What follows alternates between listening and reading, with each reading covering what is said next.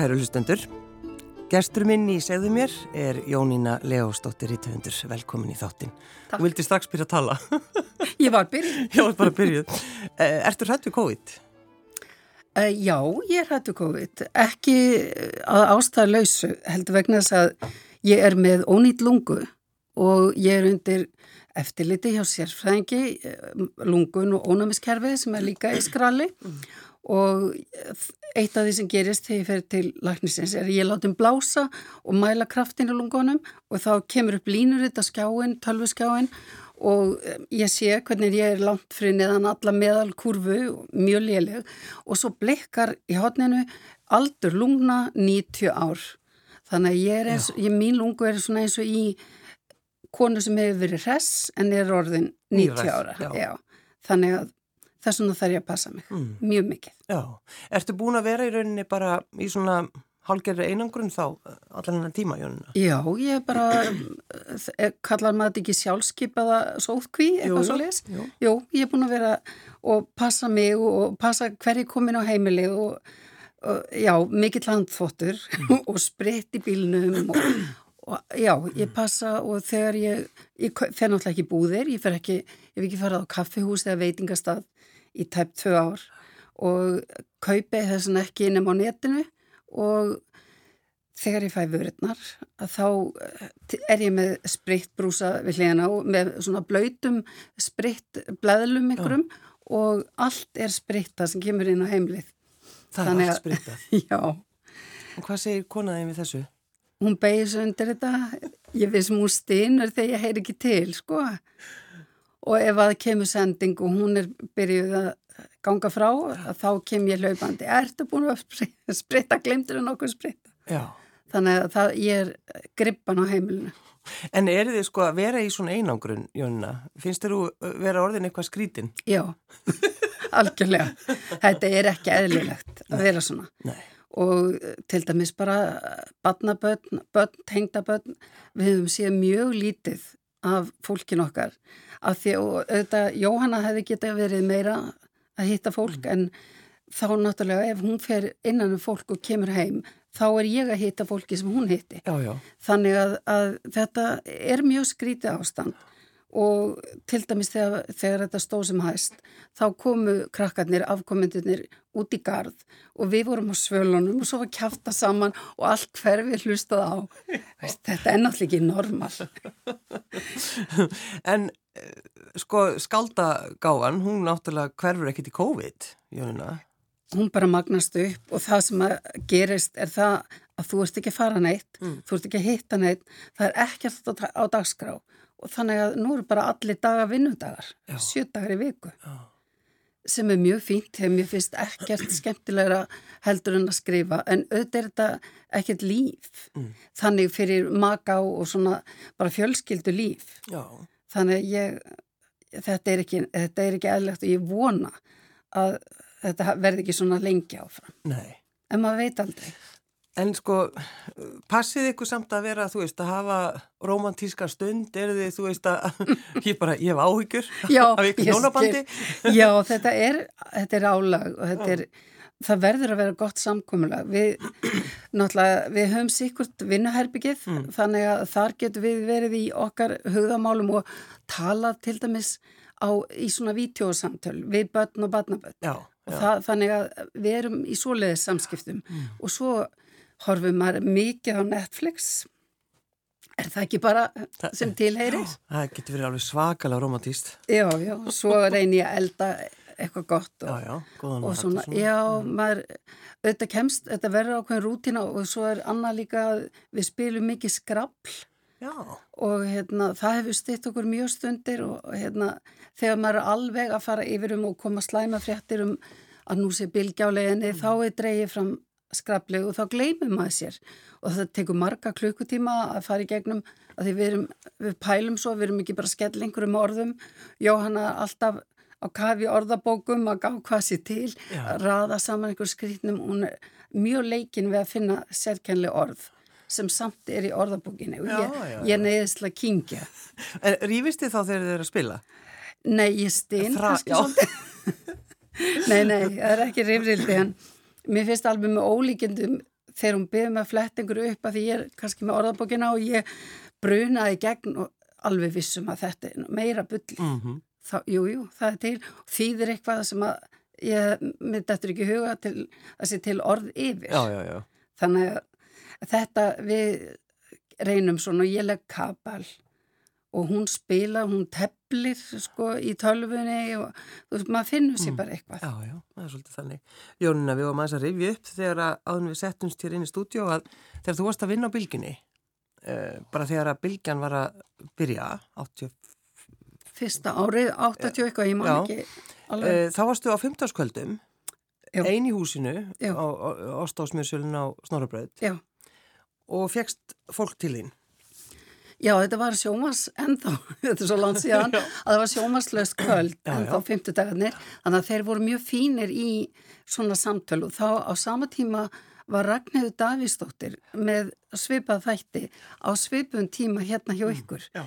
og ég fekk alltaf til mín annarkot einn eða fleiri stundum hjón, stundum feðgin, maðgin og við rættum um tilfinningar og sambönd og það sem á daga þeirra hefði drifið. Já, og ég var með auglýsingarnar á minni konni, ég þetta passa búið að spila þær á réttum tíma og svo var ég með svona eins og maður kalla grammofónsplötur. já, já, hvað er það? Hvað er það? Svona plötur sem snúast Já, og ég sá um tónlistina og, og spurningarnar og, Mm. og bara allt heila gillið sko.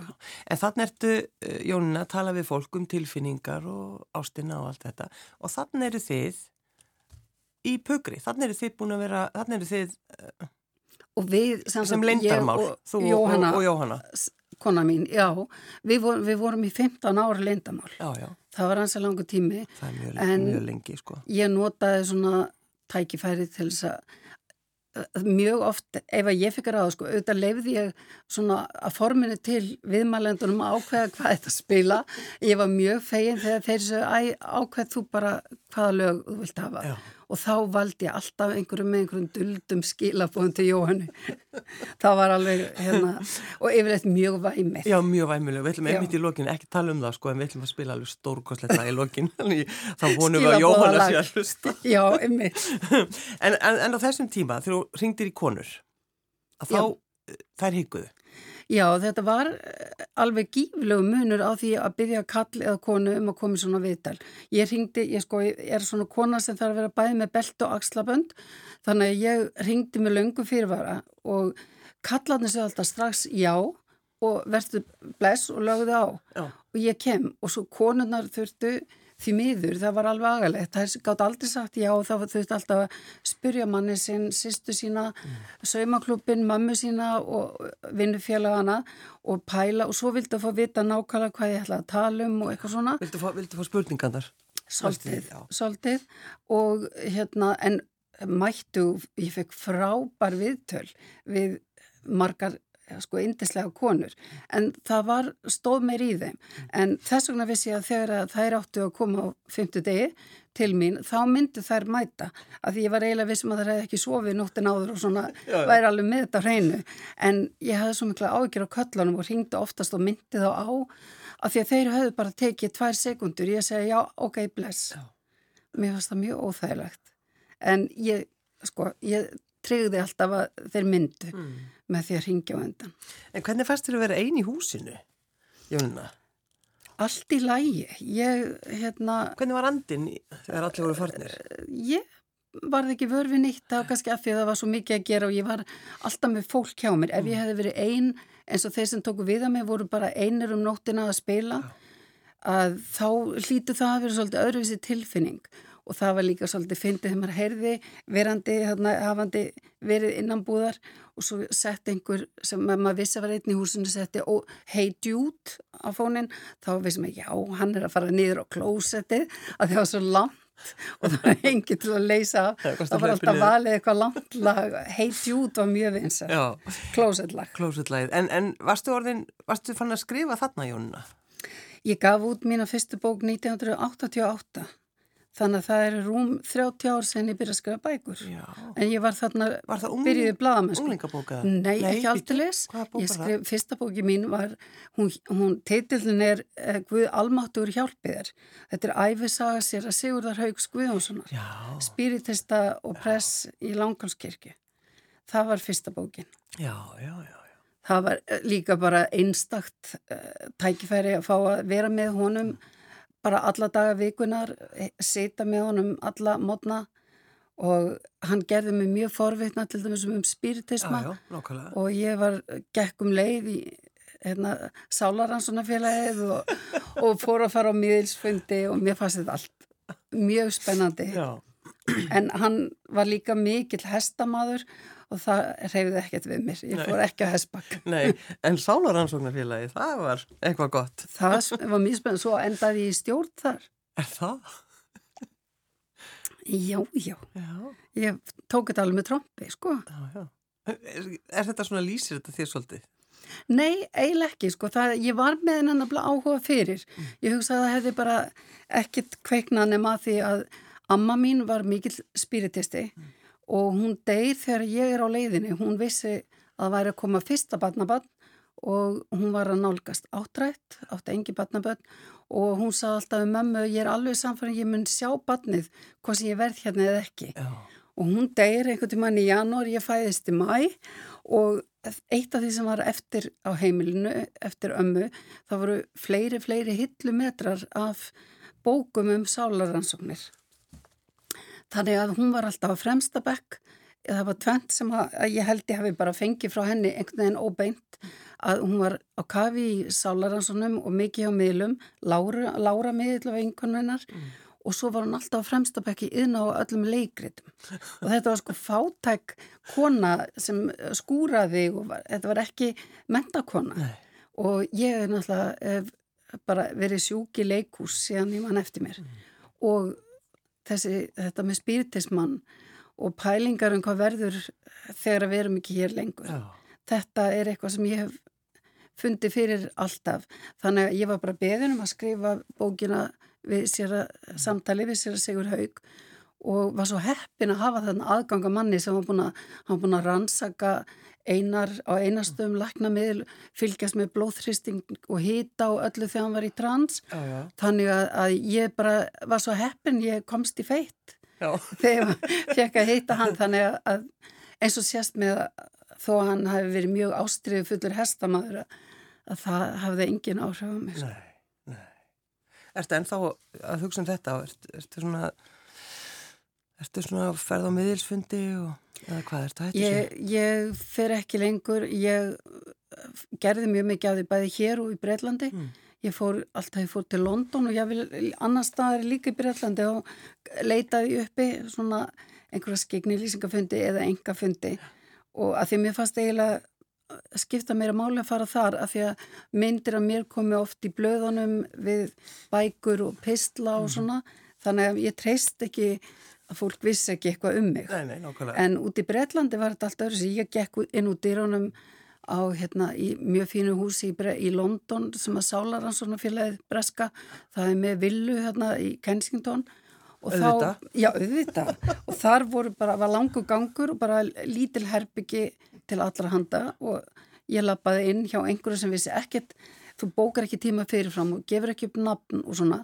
Og þá var bara oftar en einu sinni sem manneskjan sagði, byrju, akkur finn ég svona fyrir Íslandi? Og ég var tekað fram, ég var ekki fann að tala þannig að reymurum var ekki ekki fann að koma upp um mann þannig að mér finnst það mjög merkilegt og þetta var allt tekið upp á kassettur á þessum tíma. En nú er ég bara alveg hætt þessu. Já, það, hérna, ég held sé bara með þá fullvísu sem ég fæ. Ég þarf ekki að vera að leita meira uh, Edda, hvað, hvað er að frétta henni? Það er eins og hún sé bara al, alvör persóna hún er það, Já. þú, veist, þú mátt ekki, þú mátt ekki láta hana hverfa. þetta er að kvíla sig Já, þú ætlar nú að sofa lengi. Já, hún er svolítið, hún, síðasta eddubókin var sem sagt fymta bókin hún kom út fyrir tæplega eh, tveimur árum. Mm.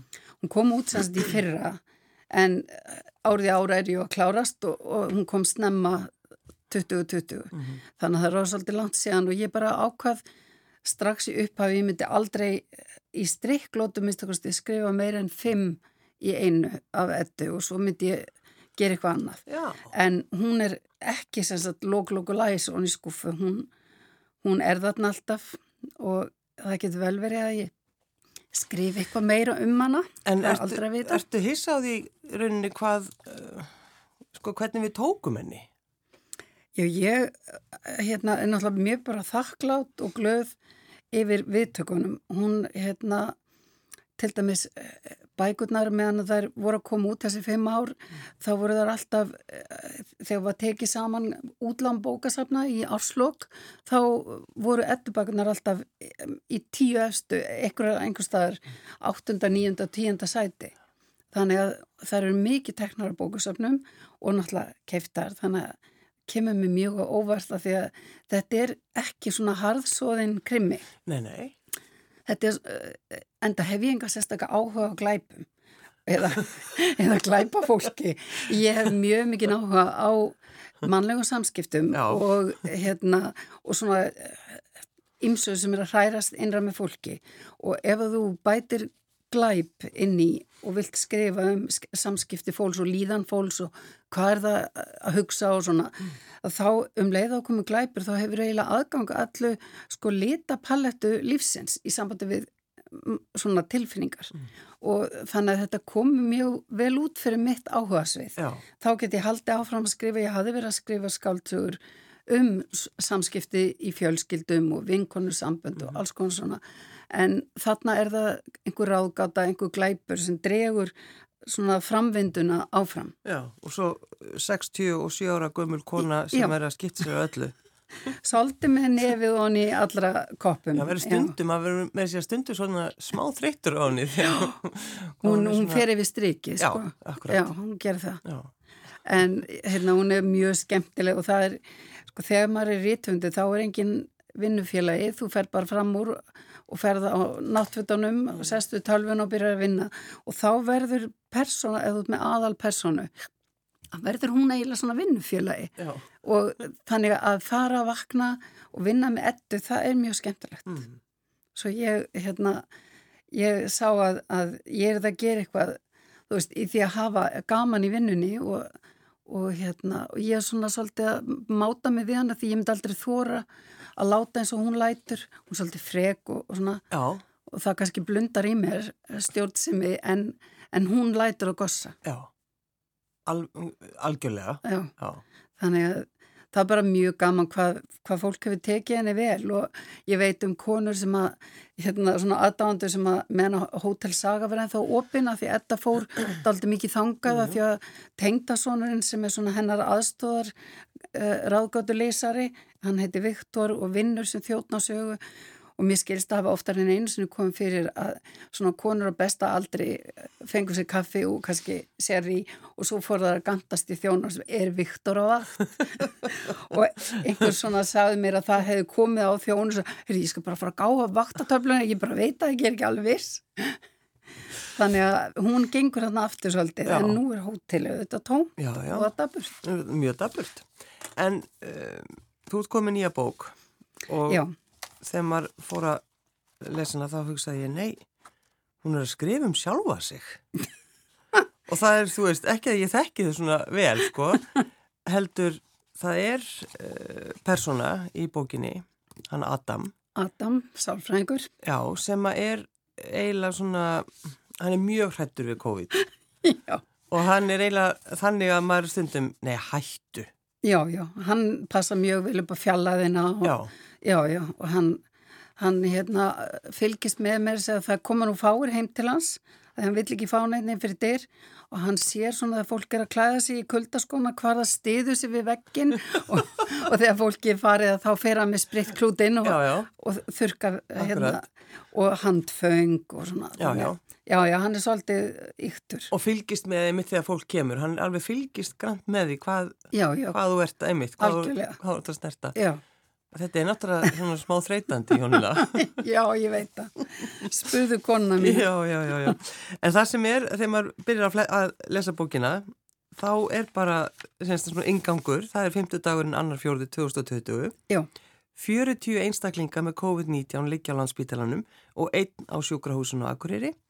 Sóttvarna aðgerðir hafa verið hertar á Ísafyrði í Nýfstal og Bólungavík. Svo kemur þetta að hressa.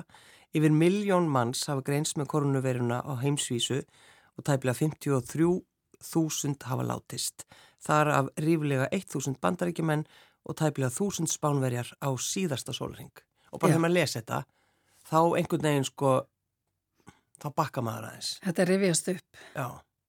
Þetta er mjög sláandi. Og þá hætti maður líka að, að láta Adam fara í töðunar á sér að sé að þrýfa allt. það er líka Já, það. já. Það er þetta, þetta er svo, Það er alveg rétt, en svo hugsa maður hvernig eru tölurnar í dag, þarna var, sko, var þetta samt bara rétt að byrja, nú held ég að sé allir sammálum að sé minnst, þú veist, 5 miljónir ef ekki, ef ekki fleiri dánir já, úr COVID, það er náttúrulega svo lélegar tölur í sumum löndum, eins og Indlandi er ekki, þetta nei, svolítið á reiki já, já. og svona þannig að auðvitað þetta átt eftir, eftir að verða enn verra. Nema náttúrulega við sjáum til dæmis spítali innlagnir á Íslandi. Mm. Þannig eru 40 á landsspítalinu, það lítur að Já, hríkarlegt. en málið það þegar maður lesta, þá getur maður alveg komist og fer maður á, á þennan dag og maður veit alveg hvernig maður leið. Já, já, og mér fannst mjög mikilvægt að ég var með aðra bók í vinslu sem átt að koma út á undan en ég setti það handrið til hliðar og demdi mér að skrifa glænýja bók þess að því mér fannst spennandi að skrifa um þetta ástand um þetta er náttúrulega glæpa saga þannig og, og um alls konar samskipti og lindarmál og svona. En gerist það á þessum tíma það sem sko heimurinn fór á kvolv og, og þetta er tiltölulega ný liðið, gerist bara í fyrra. Þannig að mér fannst svo spennandi að glíma við eitthvað úst, að láta ekki bókina sem ég var með í huga að- setja frá mér fyrst láta hann ekki koma út og það er ekki minnst á COVID Nei, og akkúrat. það er bara eins og maður sé einhverju hliðar veruleika hvar var hún síðustu tvö ár? Já, þannig að ég lagði ekki að fylgjast með fréttum. Já, bara honni í helling sko.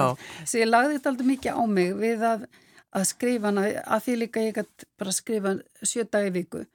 Og þetta var mjög mikil vinna og mikil törn en ég ánaði bara með útkomuna. Já, mánudagun 74. þá semst skrifarðu það að Boris Jónsson fórstisráður að Breitlands hafi verið laðurinn á sjúkrahús í London. Svo 74. fórstisráður að Breitlands hafi verið færður á gjörgjæslu Já, og Adam er sko enskur aðalpersonabókarinnar, þess vegna er hann svolítið að fylgjast með Boris og, og stöðinu því að hann á aldraða foreldra út í hérna, Breitlandi Já, sem eru einir, hann er engabann, hann hefur svolítið hugan þar líka sko. En auðvitað er þetta svo ekki bók um COVID. nei, nei, nei, nei, ég veit, maður veit það, Það, sko. ég er bara svona að minna fólk á með þessum innskotum hérna í byrjun kabla, minna fólk svolítið á hvernig stemningi var í þjóðfélaginu, bæði hér og annar staðar Já, á þessum tíma sem sagan gerist. já. En í, sko, Jónina, þú varst náttúrulega alltaf að fylgjast með upplýsingafundum. Að Ég vantaði aldrei. Nei, Ég var alltaf fremsta alltaf eins og ammaðin í já, en þá varstu líka alltaf með BBC, já, já, eins og Adam. Ég, eins og Adam gerir. Já, ég fylgdist mjög vel með, ég bjóð þar í fimm ár í hérna á milli 70 og 80 á þeim áratug og hérna er svolítið með taugar til Bretlands og á vini þar og svona. Þannig að Ég... Með, þú kemur te? já, ég hef með te, ég drekk einn kaffibólla max á dag, Já. alveg í mestalagi sko, en Svo bara te. mjög margar krukkur af te og það verður að vera laufte og það verður að búið til í kalli ekki pókar, þú veist, ég er bara algjör sérvitringur. Já. Hvernig heldur það sé að búa með? Það ég veit það ekki, Nei. það þurfum, við þurfum eiginlega að ringi í jónu. en sko, að því að í mitt Bretland, það er sálfræðingur Adam og maður svona einhvern veginn hugsaður aðeins um þig, en það er náttúrulega bara því að maður, ég var að reyna að fá þig alltaf í viðtal meðan, meðan á þessu svona verstastóð og þá einmitt sagður þetta og þú varst ekkit feimin heldur að, að segja frá þessu, þú ert það ekki. Já, Það er svolítið eins og mér finnst þetta leiðilegt. Já, ég, ég bara neyðist til þess. Já. Þetta er bara eins og ég var í hjólastól og mér var búið í parti á tóltu hæð og það er engin lifta eða eitthvað slíkt. Mm. Já, Þú veist, þetta er bara svona, ég er með ónýtt lungu og ég, ef ég passa þau ekki og, og svona reyni að lifa eh, sko, með því og grínast með þetta, þá, þá verður þetta bara tragist. Já, Þannig að þess vegna, já, ég hef bara ekki þegið að koma neins þegar ég ekki farið í saumaklúb við hittumst reyndar, saumaklúburinn minn hittist alltaf á mánudögum á netinu. Já, já, já. mjög skemmtilegt. Og þá heldur maður svona aðeins betra sambandi heldur en að ringjast á tvær og tvær í einu. Þannig að mér finnst, hérna, maður finnur sér leiðir til þess að láta þetta ganga. En um hvað fjallar uh, þessi nýja bókið Jónina Leósdóttir? Hún fjallar sem sagt um aðalpersonuna eru Adam og hann er sálfræðingur búin að búa hér í uh, svona 25 ár eitthvað svo leys og að giftur konu sem er í rannsóknar lauruglunni að heiti Sofja og hún fær hann til að hjálpa sér á þessum tímum þegar hann hefur lítið að gera því að fólk var ekki mikið að koma á sálfræðistofur hérna þegar að COVID var að byrja og vill helst ekki kannski tala við sálfræðing á netinu því að þá er kannski fólki sem þú ert að tala um og hvart undan í næsta herbyggi og svona. þannig að hann hafði lítið að gera og grýpur það feginsendi þegar hún beður hann um að hjálpa sér. Löggan er líka fáliðu það er að koma upp síkingar og, og fólki sótt kvíð löggunni. Þannig að vandinni sá að það hafa fundist uh, nálar í ávöxtum, ferskum ávöxtum í búðum. Fyrst er það einni búðu, svo fyrir þetta breyðast út og finnast víðar og þetta er auðvitað bara að hætta ókn við heilsu fólks að ef þú kingi nál. Þannig að, þetta er líka mjög erfiður eh, svona erfiður ágáta hver vill einhverjum ílt, bara einhverjum? Já. af því að þú stjórnar ekki í búðunum hver kaupir ávextina? Þannig að, að þessuna þarf Sofía Sálfræðing til þess að pæla í gerandanum. Hver gerir svona hlut? En Og- þetta er sko, ég meina, út í heimi, þá veit maður, maður hefur einmitt lesið alls konar svona frásagnir, ekki endilega nálar heldur, alls konar, verið að eitra, algjörlega þú veist, vínin í Ástral, í Östuríki til dæmis.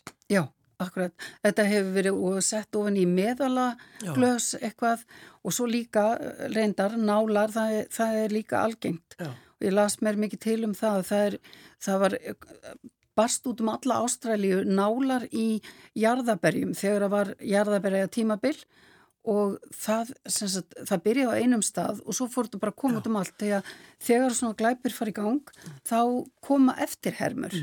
Og það var líka það sem Adam þarf að hjálpa Sofíu með. Hver er uppalegi gerandin og svo þegar það fer að koma fleiri atvik getur þetta verið eftirherma, er þetta sama fólkið eða einstaklingurinn og, og svona mikla sálfræði pælingar um hver, hver gerir svona?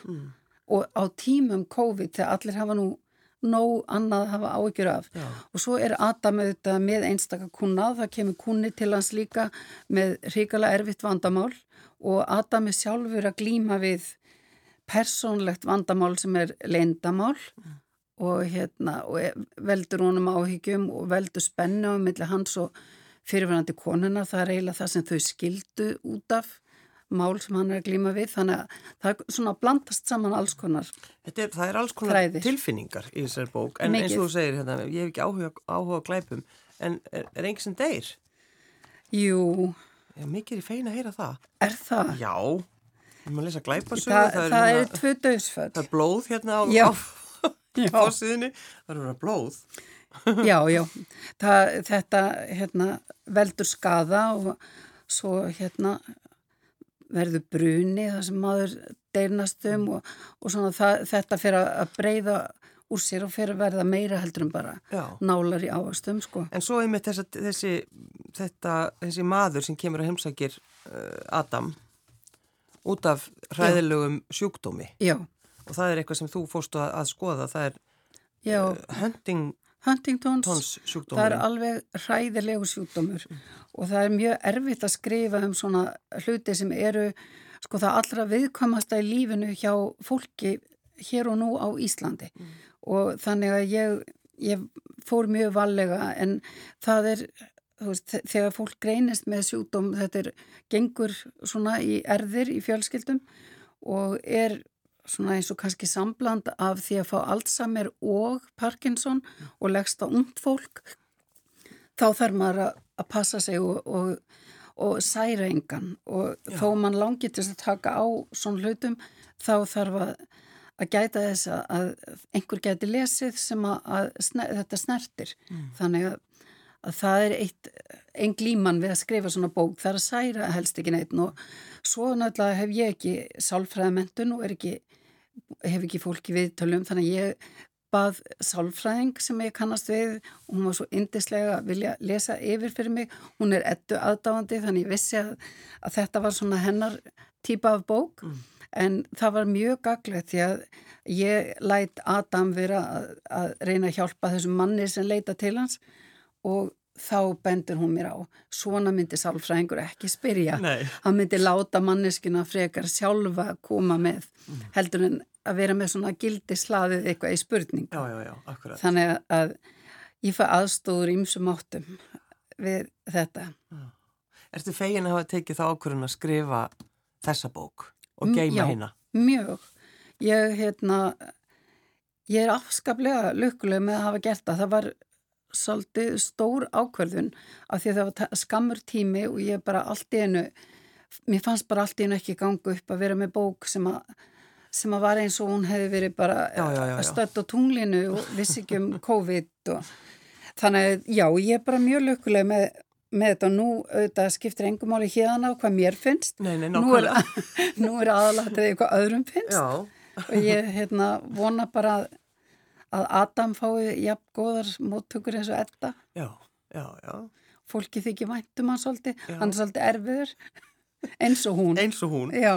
En þú náttúrulega, sko, því þú, talar um þetta, sko, það eru tilfinningar sem að þið, þið er skemmtilegast að, að skrifa. Algjörlega og sagt mannleg samskipti í og mannleg samskipti. Ég með rauninu mætti segja að allar bækurna mínar, ég, ég er búin að skrifa, þetta er 19. bókin Já. Sem kemur út á rúmlega 30 árum og það er hægt að sumera þar allar upp alveg sama um hvort það eru sagt, skáldsögur eða ekki og hvort það fyrir unga eða fullotna, þær eru um mannleg samskipti. Já. Það er bara svona það sem er mér hugleiknast. Mm. Gaman, ég elska að fylgjast með fólki horfa fólk á kaffihúsum. Þess vegna er svo agald að komast ekki á kaffihús. Ja, Þú er ekkert geta verið einmitt að því þú er ekkert geta hort í kringu þig. Nei, nei, ég verð bara kannski... ímynda mér. Og byggja á fyrir reynslu. Jú, jú, alltaf í bænum. Já, já. Nú sér maður aldrei lappa ég, ég var alltaf fóra okkur með einsta degi á kaffihús til þess að brjóta upp vinnudaginn, vera aðeins innan fólk mm. og sjá svona lífið. Já, já. þannig að, já, já, ég núna þegar maður er að skapa svona bækur þá þarf maður auðvitað ímyndunarafl. Mm. og ég í því að að bara svona reyna að rifja upp hvernig er aftur fólk þegar svona út á meðal hvers annars. Já, uh, við vorum að rifja hans upp og vannst á bylginu og varst að senda Jóhannu lein, leinileg skilabóð í tengslu tónlist. Já. þá er þetta lag sem við ætlum að spila algjörlega stórkoslegt og þú sagði mig að þú ætlaði að láta spila í jarðaförniðinni Já, mér dætt það bara allt í hugum daginn. Ég er alltaf að endur sko að ég byrjaði að skrifa 1998 hvernig ég ætla að hafa jarðaföruna, eða hvernig ég ætla að hafa, eða hvernig ég vildi gerna nú væri og hérna það meðal annars tónlistin. Ég, ég er ekki mikið fyrir svona allt eins og blómstri eina og svona þessa hefðbunnu gömlu salma. Þannig að ég hérna vil til dæmis hafa halleluja og ég veit ekki hvort ég eftir að ræða með einhvern prest, hvort að má spila upptökur að því að ég vildi helst hérna að væri ekki íslensku söngveri sem kannski væri eitthvað tæpur og mm. ég vil hafa þetta, hafa þetta virkilega velgerst kannski Leonard Cohen bara sjálfan. Kannski, kannski. En það er náttúrulega og feelings. Og, og svo bara líka og feelings Já, alls konar lög sem að ég, en ég, þetta er í sífældri endur skoðun og, og mér finnst alveg óþarfi að hilkið af mér sem ég verð þá hægt að nota mm. að það verði viðstart.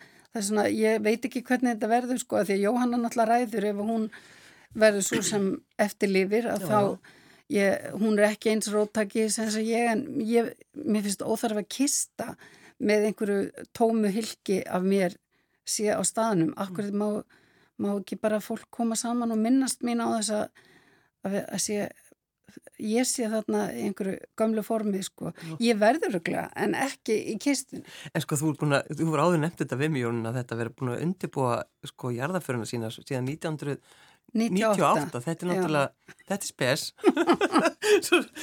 en Jónína Leostóttir Rittuundur, takk fyrir að koma og ég kynni til sögunar feelings, það er Cleo Lane, hinn dásamlega og John Williams er að sjálfsögða hana líka. Takk. Takk fyrir að koma.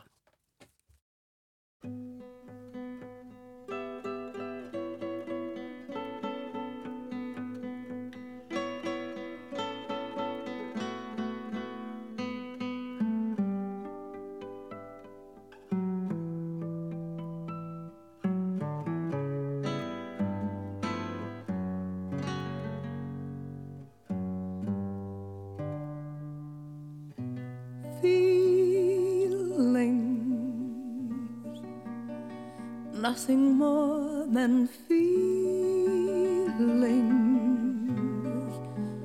trying to forget